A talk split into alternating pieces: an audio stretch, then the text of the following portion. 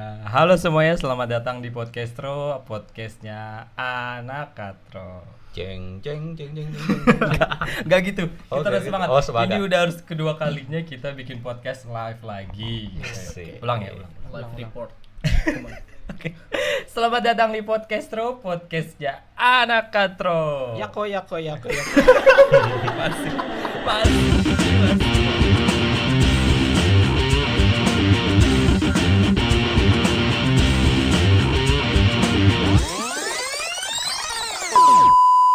Ulang lagi nggak? Ya, gak usah Udah, lanjut. kali. kelamaan di opening Ya kayaknya udah, kelamaan dia podikter. Eh, gimana? Kalian udah vaksin?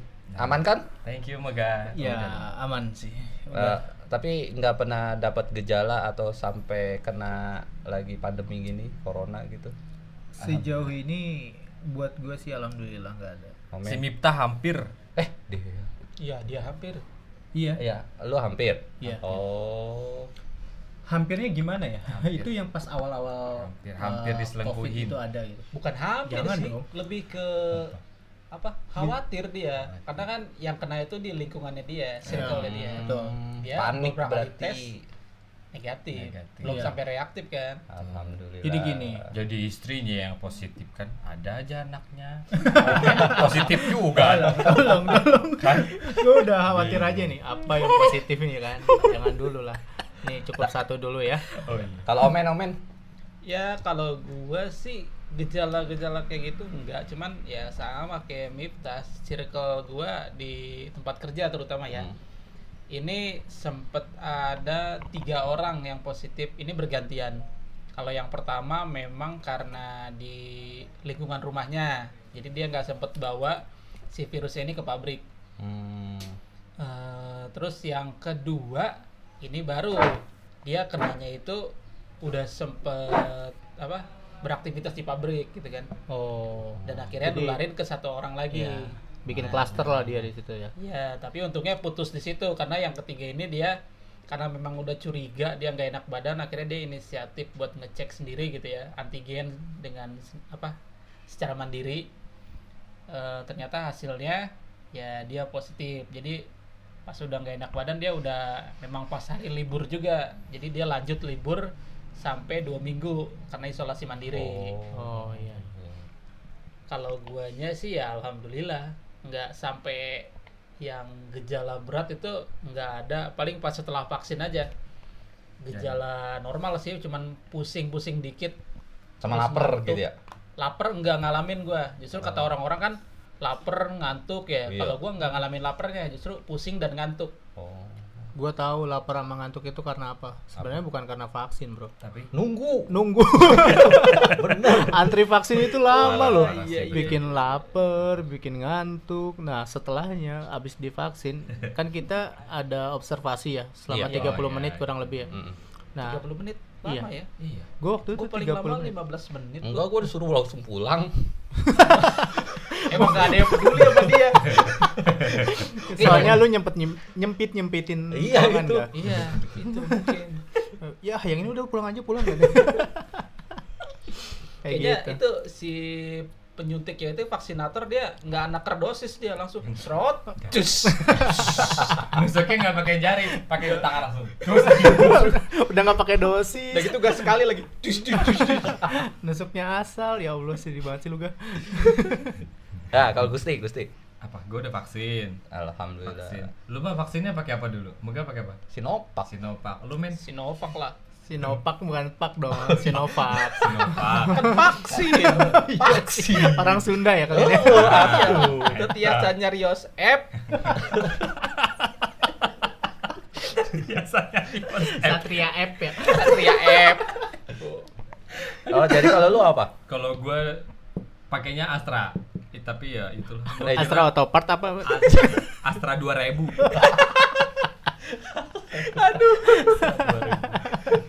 Oh, berarti baru-baru ini dong kalau Astra. Baru-baru ini. Ah, gua- junior dia junior Iya, angkatan baru Bulan kemarin Agustus, iya Agustus Oh. gua divaksin. Ya. nah katanya Astra ini efeknya agak berat ya dibandingkan Iya, itu dia. vaksin yang lain Gua awalnya nggak peduli kan mau Hmm. pakai pakai vaksin apa gitu. Gua nggak peduli karena gue menganggap apa pun vaksinnya ya bagus-bagus minumnya aja gitu. oh, gua pikir minumnya teh botol sosro bro apa pun vaksinnya?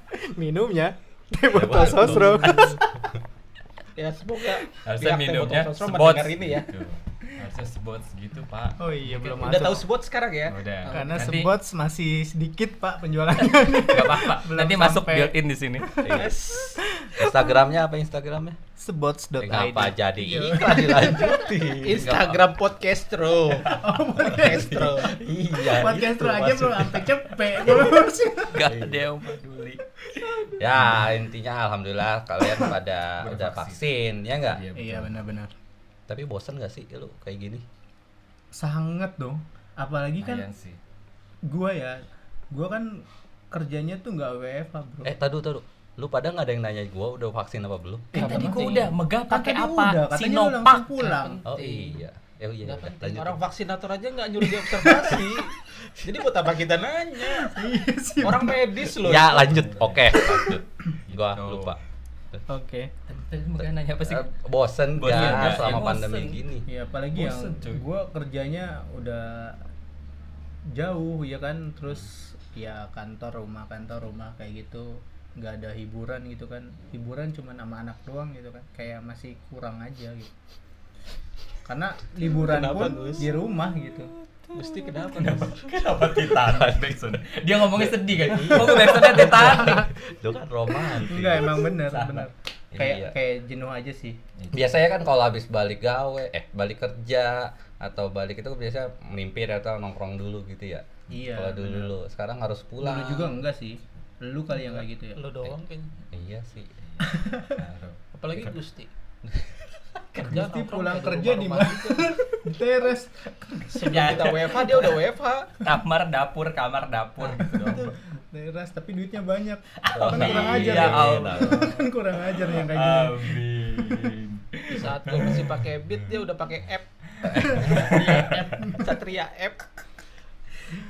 Tapi ya bosen ya bosen lah Oh. pasti Pastilah. tapi kalau masalah kebosanan ya mungkin Gusti tidak terlalu lah karena dia udah terbiasa sebelum pandemi kan udah di rumah dia. tapi iya emang begitu. Apa emang ada perubahan juga lu menurut lu? perubahan ya pasti nah eh, ini kita dari bilang dari awal dulu ya gue tuh udah dua tahun belakangan ini eh, ini punya apa namanya ya bucket list di awal tahun tuh gue mau ngapain selama setahun ke depan udah dua tahun ini gue bikin eh dari awal tahun gue mau A B C D E nah di tahun ini itu gue punya ada plan eh, karena nggak tahu ada corona itu gue mau ikut seminar gue ikut workshop gue mau buka bazar apa segala macam untuk ngembangin ke depannya kan.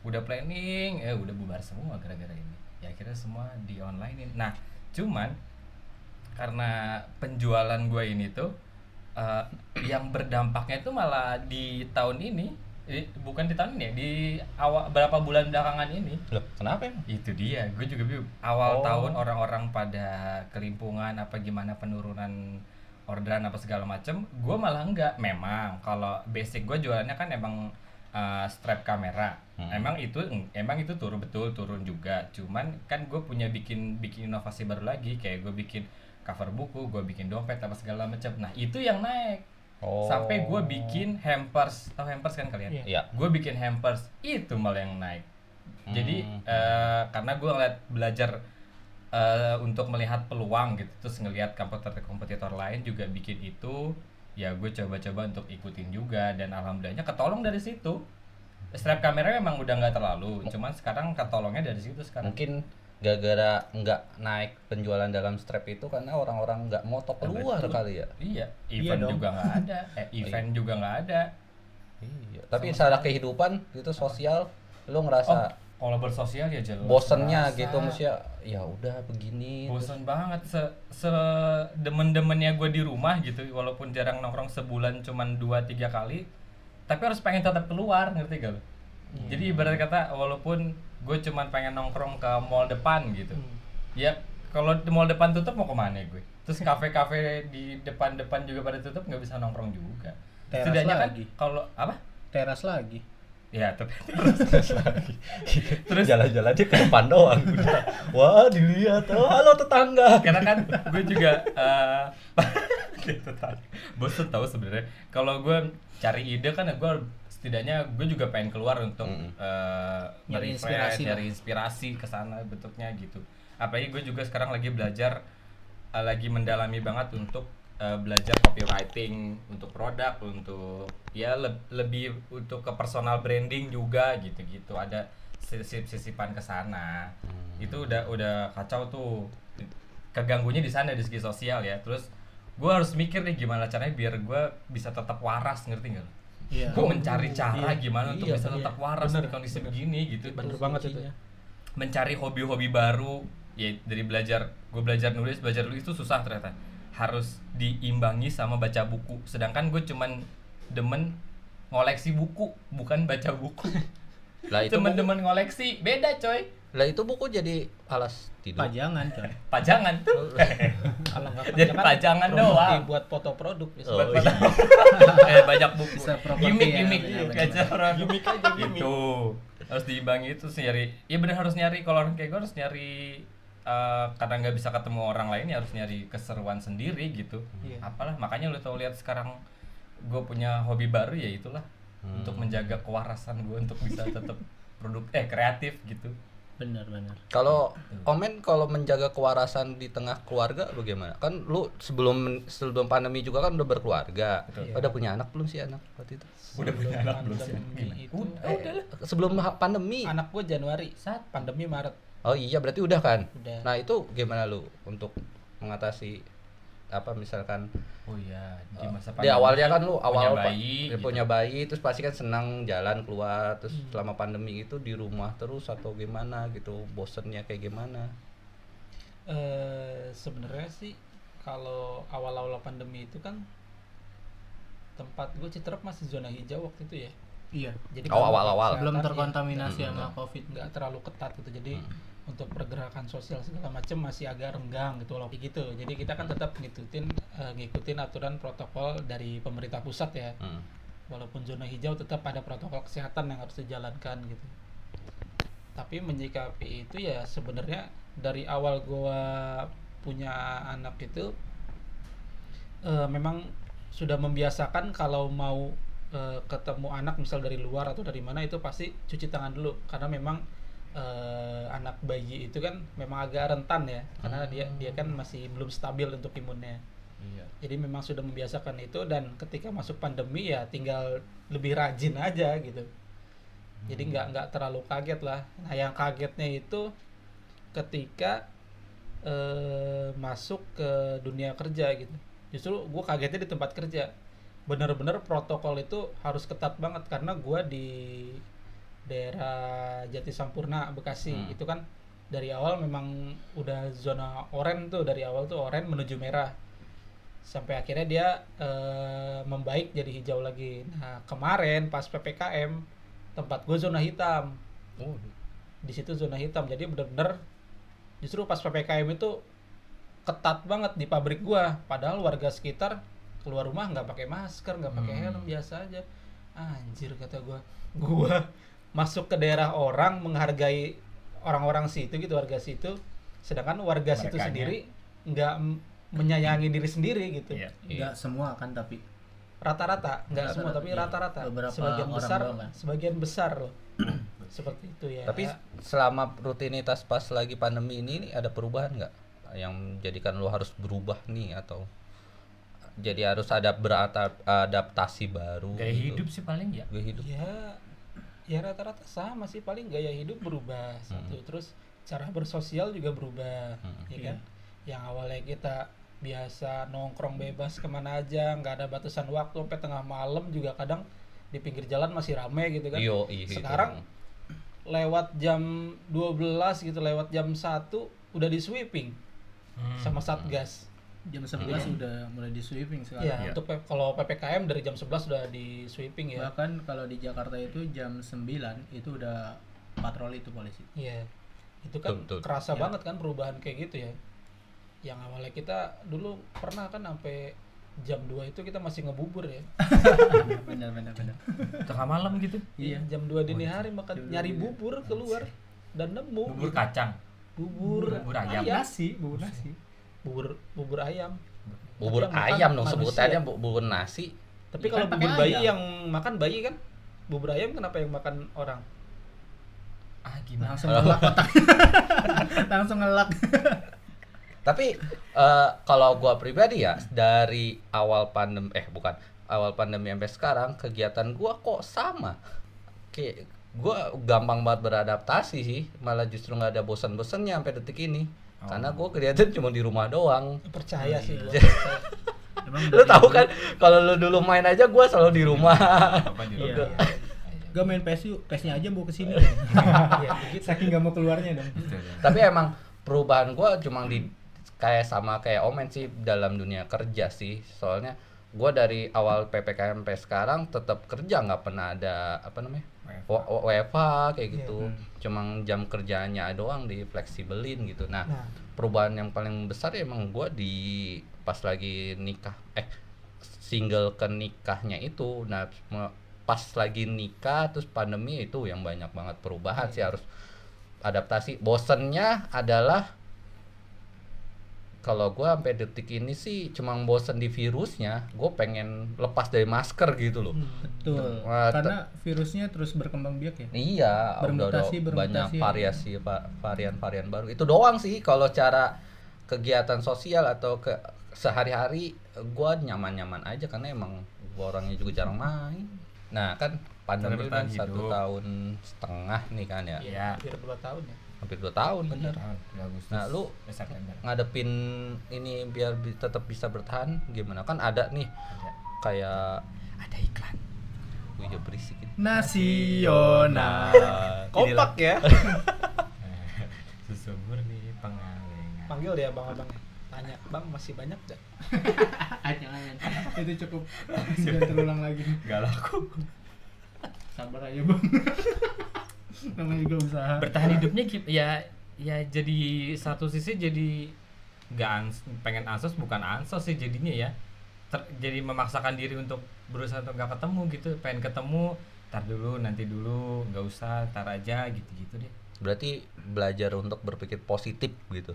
Iya, Itu pasti itu, sih. bertahan hidup loh. itu bertahan iya benar sih itu Iya. benar itu benar nah Kalau- itu juga masuk masuk ke gue tuh maksudnya menjaga kewarasan untuk biar bisa sehat gitu karena kan Hmm. setelah ternyata dari yang stres itu pengaruhnya bisa ke kesehatan juga gitu Betul, Ke mana-mana, betul. Pikiran apa Betul. segala aduh Banget, ini gimana banget. aduh ini emosi gimana, gitu. ya kan Nah, kalau kalian kan, ah ini urusannya kalau gua, eh kalau kalian kan pekerja sebut saja pekerja kantoran, buruh pak yang di mana bagusnya pekerja kantoran. Oh, iya udah. Lu apa? Ya itulah. Jadi, nah, tadi gua mau ngomong apa sih? Nah, maksud gua eh, eh, penghasilan lu kan sudah ada rutin tiap bulan. Nah, Hmm. eh, kalau kalau gue ini, ah ini gue juga alhamdulillah. Kan parah parahnya itu tiga bulan belakangan ini kalau gua di gua rasanya gitu. Nah cuman suara kipas. Ah, akhir dari tahun lalu dari tahun lalu gue udah feeling. Orang-orang banyak yang drop apa segala macam penjualan. Ah, kalau gua m- alhamdulillahnya enggak kan alhamdulillahnya enggak. Cuman di situ gue mikir ah, gua harus bisa peka nih kalau tahun depan ada pandemi dan ada gelombang dua gue harus punya plan gue bilang. Nah dari tahun lalu tuh gue udah misah-misahin keuangan gue tuh. Oke gue nggak boleh terlalu boros ini ada pendapatan sedikit. Uh, gue cut ini gue harus uh, tabungan gue harus lebih banyak gitu karena gue harus ada survive setidaknya tahun depan bisa lebih santai gitu.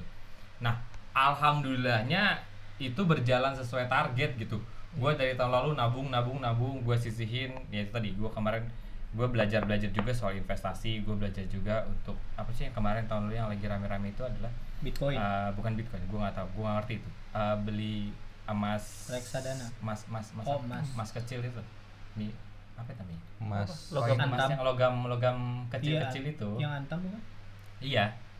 Pokoknya gue lagi nabung itu juga yang Logam emas mulia. kecil.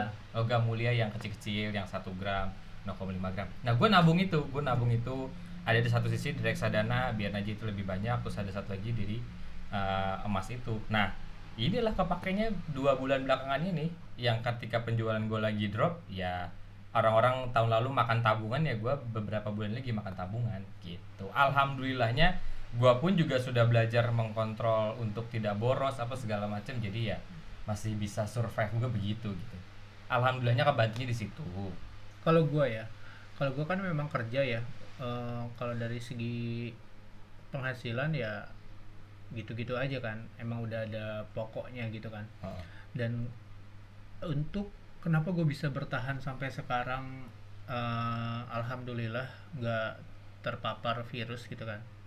Pertama ya gue menghindari berita-berita yang lu buat gak Nah, eh, iya dong Lebih tepatnya dia yang mengedit Nah, berita-berita yang diedit Iya, sama yang dia. diedit sama lu gak gitu. itu gue bener-bener dibilang gak peduli, bukan gak peduli juga. Cuman gue tuh kayak kalau nonton berita itu kan heboh banget kan ya tentang Banget. eh, virus ini kan. Nah, gue tuh nggak mau jadi beban pikiran gue. berarti gua adalah beban pikiran lu. Sangat, sangat dari dulu kan. Dan apalagi gue kan pengguna angkutan umum ya. Hmm. Ya kadang pakai Kereta Iya, gitu ya. Kadang pakai motor sendiri, kadang pa- naik kereta gitu kan. Nah, di mana di kereta itu lu tahu sendiri kan kayak gimana penumpangnya. Walaupun udah seketat apa pun gitu kan, namanya virus, ya kan kita kan nggak pernah tahu, dia nggak kelihatan gitu. Yang kedua, gue tuh menanamkan rasa cuek gitu. Kayak ya acuh tak acuh lah, peduli atau nggak peduli gitu sama soal virus kayak gitu gitu. Oh. tapi tetap eh, apa namanya kayak kepikiran itu pasti ada lah. Karena Jakarta tahu sendiri kan Hmm. sempat menjadi zona hitam juga kan. Sedangkan gua tetap harus masuk kerja apa eh, di lingkungan kerja gua pun udah banyak yang terpapar. Namanya rasa takut khawatir itu ada. Cuman sekali lagi rasa cuek gua lebih tinggi gitu. Hmm. Iya kan? Ya mungkin dari rasa cuek itu ya menumbuhkan imun gue juga menguatkan imun gue juga gitu kan.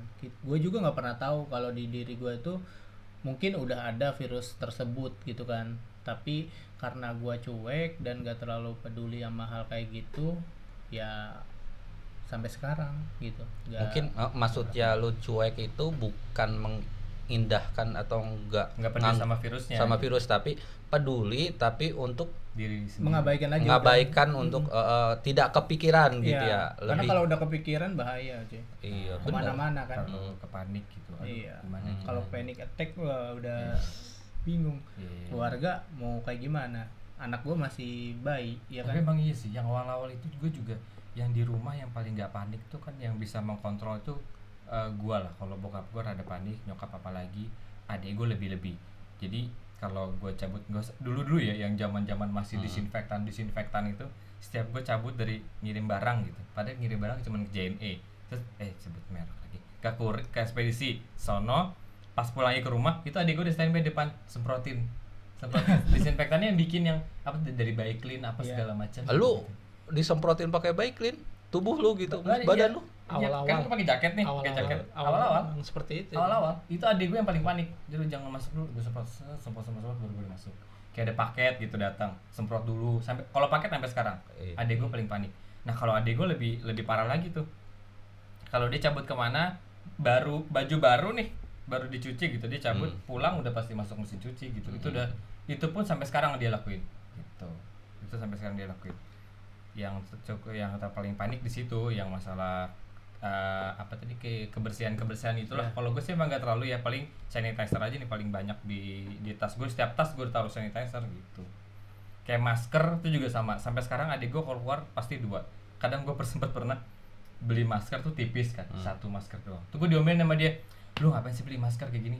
Iya elah gue cuma pakai masker doang. Ini masker lu ketipisan nih ganti. Kalau nggak suruh pakai double gitu sama dia. Ya paling bawel dia. Kalau jalan sama dia paling bawel ada Bawel dia. tapi emang perhatian Iya, ya emang cara- penting. cara care gitu. sama keluarga gitu. Caranya gitu. Ya karena memang dia juga bisa- kalau walaupun kelihatannya cuek gak peduli gitu tapi kalau mem- kalau udah kesehatan gini udah paling peduli dia. Gitu adik gue paling panik sih memang. Begitu. Kalau anda bapak Omen, ngeliatin gua? Lu belum memberikan pendapat soal ini? Ya intinya sih kalau gua eh, menjalani kegiatan atau aktivitas gua selama pandemi ya tetap dijalankan se apa ya eh, sesuai dengan porsinya gitu. Jadi nggak kalau sebelum pandemi mungkin di sela-sela waktu luang masih bisa apa eh, menghabiskan waktu kayak nongkrong kayak gitu-gitu kan. Ini mulai membatasi ngurangin gitu walaupun tetap ada cuman waktunya agak dibatasin dan tempatnya di mana dulu gitu. Iya. jadi kalau yang terlalu berkerumun mungkin udahlah gua skip dulu gitu. Tapi kalau memang itu memungkinkan untuk bisa jaga jarak dan jaga protokol kesehatan ya it's okay gitu gue jalanin. Asik. Bismillah, Kementerian Kesehatan. semoga ya semoga kedengeran ya ke situ. Semoga ya. Aduh. Tapi kalau untuk bertahan hidupnya eh, selama pandemi maksudnya untuk ya makan kah Iya, betul. Kalau enggak lapar. ya justru kalau gua sendiri ketakutan gue justru ada di tempat kerja gua Hmm. karena dari dari awal pandemi mungkin masih it's, apa berjalan lancar gitu normal semua jadi pertengahan pandemi itu ini sebenarnya eh, penyebabnya itu bukan pure 100% pandemi tapi lebih ada eh, permasalahan internal gitu di perusahaan gua sampai akhirnya ada pengurangan pertama di pertengahan pandemi kemudian yang bikin deg-degan lagi ketika PPKM. Ini PPKM dengan jumlah karyawan yang udah sedikit masih ada pengurangan. Nah, ini Waduh. yang ini pure asli eh, dampak dari pandemi gitu. Hmm. Jadi kalau pengurangan yang pertama karena masalah internal di itu urusan atasan-atasan lah ya. Kalau gua Iya. kan sebagai buruh ya taunya kerja aja. Kemudian yang kedua ini yang paling deg-degan gua. Di saat anak gua udah dua kan, Mm-mm. terus ada kabar mau ada pengurangan lagi ya ini lumayan deg-degan. Tapi ya alhamdulillahnya gua nggak kena gitu. Walaupun gua eh, termasuk yang sedih juga gitu. Harus udah orang sedikit terus dikurangin gitu. Ketika kita yang sedikit ini udah berusaha untuk menjalin kekeluargaan sebaik mungkin supaya perusahaan bisa bertahan Mm-mm. Di situ kok kita harus terpisah lagi gitu berkurang lagi Hmm. orangnya nah ini agak agak berat sih Gitu ga tentang PPKM. Oke, gimana Bu? Ya, kalau dari tadi dia nanya-nanya mulu tapi nggak ngomong-ngomong padahal Iya. di sini moderatornya moderator anjir Jir, zaman dulu banget bahas leader leader moderator. leader oh iya leader. Leader. Gusti loh yang punya rumah pinru pinru Pinru anjir. Astagfirullah, Pinru lama banget. Apa Pinru? Apa coba? Pinru. Pimpinan. regu. pimpinan regu ya ya Pinru. Oh, itu, 100 Bah. buat megah Iya, itu bahasa pramuka itu dulu. ya lu anak pramuka tapi nggak tahu Diomelin Baden Powell kah ya jadi gimana gah gimana gah Gitu, teman-teman. kalau lu menghadapi pandemi Kalau gua dampaknya benar-benar signifikan ya. Jadi kan kalau kakak gua di bidang usaha mengajar kan bikin les. Nah, keluarganya istri gua juga kan bidangnya di konstruksi. Dia jadi mandor gitu. Setelah PPKM buyar semuanya benar-benar. Iya. Jadi semuanya tergantung dari gua dan tapi istri itu gua. Pas konstruksinya Pas awal awal PPKM. konstruksinya berkaitan dengan pemerintah kah kagak kayak bikin rumah Oh. gitu. develop. Tapi- Eh, developer ya? Iya kayak mandor udah kayak apa Oh, sih iya, iya, yang iya. bikin bisnis properti lah ya biar. Properti ya. properti Ya, bisa. itu jadi semuanya mandek gitu kan jadi eh, semuanya bergantung ke gua dan istri gua itu yang cukup kita pusing nah alhamdulillahnya sih di titik itu ini apa mau sedikit romantis berterima kasih ke istri gua juga jadi di- benar-benar kita bekerja sama untuk Keren. menghidupi semuanya gitu makanya bener-bener apa namanya alhamdulillah sih bisa berdua sih. Nggak tahu kalau misalnya pas lagi ppkm gua ppkm itu eh atau pandemi itu pas gua sendiri ya itu mungkin dari hal. Untuk jadi kejadian itu gua oleh lebih berkelasanya itu untuk menjaga tetap positif sih. Istri gua adalah orang yang eh susah kalau dalam down gitu loh. Maksudnya Naik lagi susah. naik lagi eh ya naik lagi susah bener Ah. gitu kan. Nah saat eh, pandemi bener-bener lagi down banget entah itu dari eh, lingkungan atau kondisi kesehatan gitu kan. Alhamdulillah di situ gua untuk menjaga tetap berpikir positif udah tenang aja. Yang intinya cuy udah tenang aja untungnya. Aja eh tenang aja? Maka kenapa sih belibet? grogi amat. Maka tuh bers- bersinergi dengan istri Iya, untuk gitu. bisa tetap terus eh, positif, Ya. sehat, biar bisa ngebantu yang lain. Jadi Nah, gitu. gua Kah. deg-degan? Minum dulu dong minum dulu dong lu kayak lagi di interview asli Lebih ke BAP kayaknya. tenang aja ya Lebih takut di BAP kayaknya ini orang. ya untungnya aja gua orangnya gitu. cuek dari awal gitu Iya, kan jadi ya gampang untuk berpikir positifnya dah itu terus berjalan sampai sekarang sih jadi masalah keuangan alhamdulillah lagi terus menyisikan walaupun awal nikah itu bener-bener setahun sampai satu tahun nikah itu bener-bener nggak bisa namanya nabung Bisa gitu kan. nabung. pasti kepake pas pakai. ada alhamdulillah semua keluarga juga udah membaik. Nah tinggal membaiki keluarga gua sendiri gitu. Alhamdulillah. alhamdulillah. Kecil jadi ya. hmm? keluarga kecil ya. iya kecil banget baru berdua. Tolong doakan nambah satu setidaknya udah punya keluarga kecil. Iya. Dan ya udah teman-teman. Terima kasih bergabung di podcast ini. Terima kasih sudah hadir di rumah saya. Ya, tolong nggak antar tukang urutnya? buat Bapak Gusti semoga langgeng dengan calon yang mana ya? Enggak. Duh, bahasnya. tapi balik lagi balik lagi. Tadi yang masalah. Gue masih meng-highlight untuk eh gue nggak tahu ya maksudnya eh, ini mengingat buat gue diri pribadi sih yang soal tadi yang megah menabung menabung itu eh, memang ternyata penting se seberapapun pendapatan kalian gitu. Memaksakan untuk menabung itu penting banget gitu karena Penting kita banget. nggak tahu. Gue sendiri sekarang jadi belajar untuk kenal sama diri sendiri itu paling kerasa. Belajar untuk kenal sama diri sendiri sama mengkontrol hawa nafsu gitu. Karena mentang-mentang gue sendiri gue punya penghasilan sekian sekian sekian oh bebas aja gue mau belanja. Tapi di kondisi begini gue mulai sadar gitu oh iya gue punya target harus ini gue harus ini gue harus nabung karena kita nggak tahu besok gimana bulan depan gimana Iya, tiga bulan gimana gitu, gitu. dalam Ya, bentuk menabung kebutuhan aja. iya menabung itu bukan cuma menyisihkan aja gitu kan Ah. tapi dalam bentuk menabung lain juga banyak Ya, gitu betul. kan Planning itu mau emas atau apa yang penting Ah, planningnya itu, punya gitu kan planningnya betul begitu iya Ya, Ya sudah. semoga kita semua sehat lah ya. itu amin sehat selalu untuk keluarga Iya. Stay Buat yang denger juga semoga sehat selalu. Terima kasih sudah mau mendengarkan podcast wak wak wow ini. Wow lagi. Ya kok ya kok ya. Ya itu semoga seluruh rezekinya uh, kembali pulih atau sesuai planning kalian ke depannya. Banyak rezekinya juga amin, pandemi amin. ya enggak hmm. okay. berkah juga buat kalian. Terima kasih sudah mendengarkan. Sampai bertemu di episode selanjutnya.